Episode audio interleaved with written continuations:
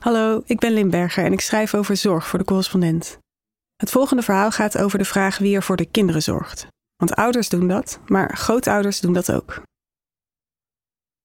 Kinderen zijn kostbare wezens. Als hollebolle geisjes verslinden ze tijd, geld en energie.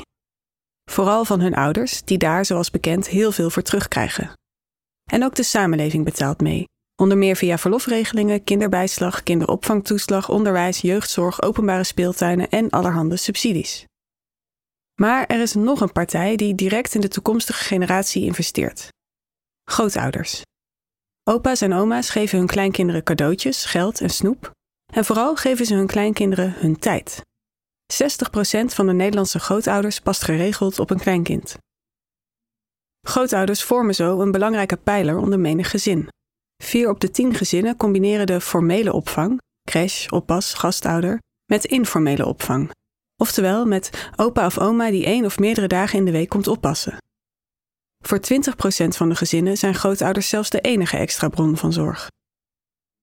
De meeste grootouders doen dat met liefde en plezier, want net als ouders krijgen zij er veel voor terug. Maar het kost hun ook wat.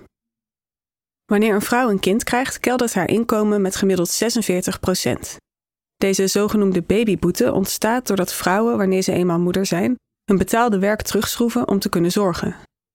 Nieuwbakken vaders doen dat nauwelijks. Hun inkomen blijft dan ook nagenoeg gelijk.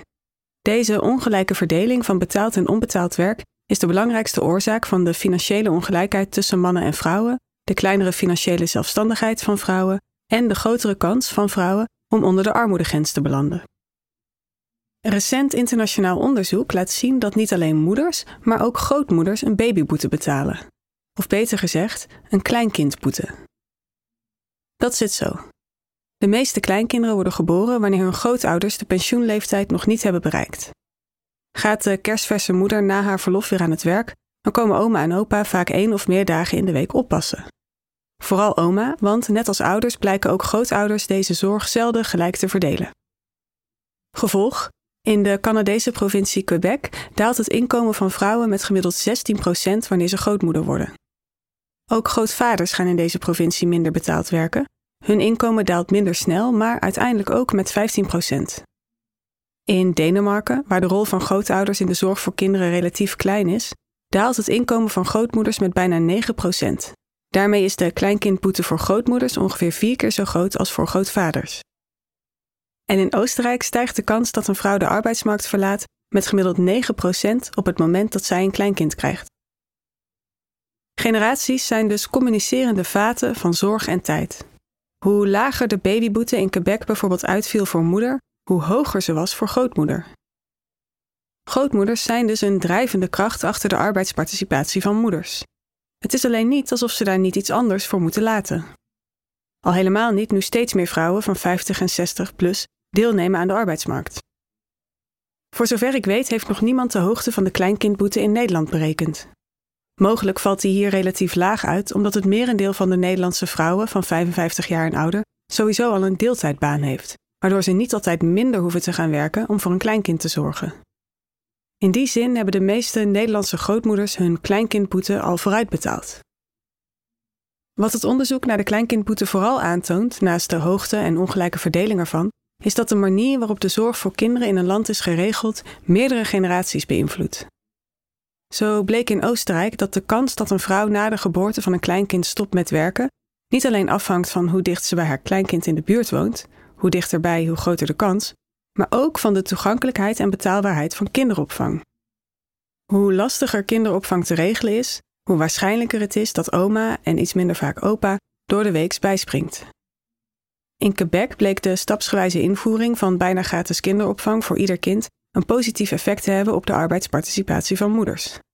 Dat was natuurlijk de bedoeling, maar het was ook goed voor de arbeidsdeelname van grootmoeders. Voor moeders ging het aantal gewerkte uren met gemiddeld 4% omhoog, voor grootmoeders met 2%.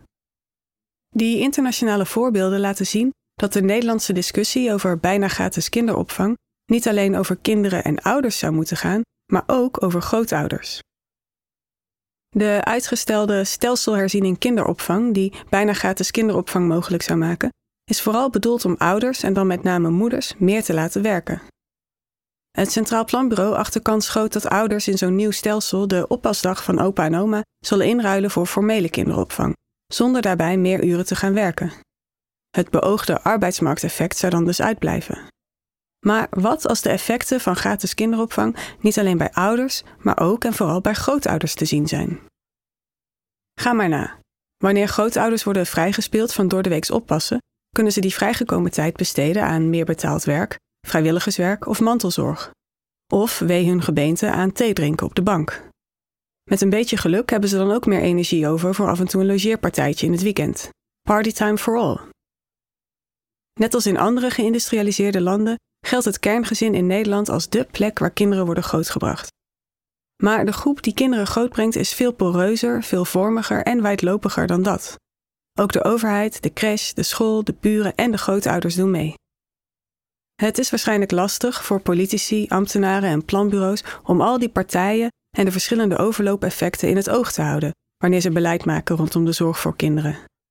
Of rondom andere thema's. Het verhogen van de pensioenleeftijd, zo zagen onderzoekers, kan ervoor zorgen dat grootouders meer betaald werk gaan doen met minder betaald werk voor moeders tot gevolg.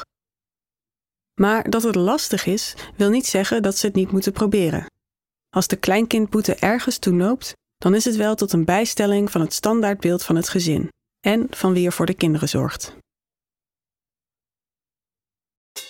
Hallo luisteraar, Rob Wijnberg hier, oprichter van de correspondent.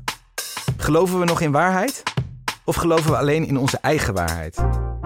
September verschijnt mijn nieuwe boek Voor Ieder Wat Waars. In de weken na verschijning vertel ik in een theatertour door het hele land hoe we allemaal onze eigen waarheid kregen. En hoe we weer tot een gedeelde waarheid kunnen komen. Wil je daarbij zijn? Ga dan naar decorrespondent.nl slash voor ieder wat waars. Of klik op de link in de show notes. Tot dan!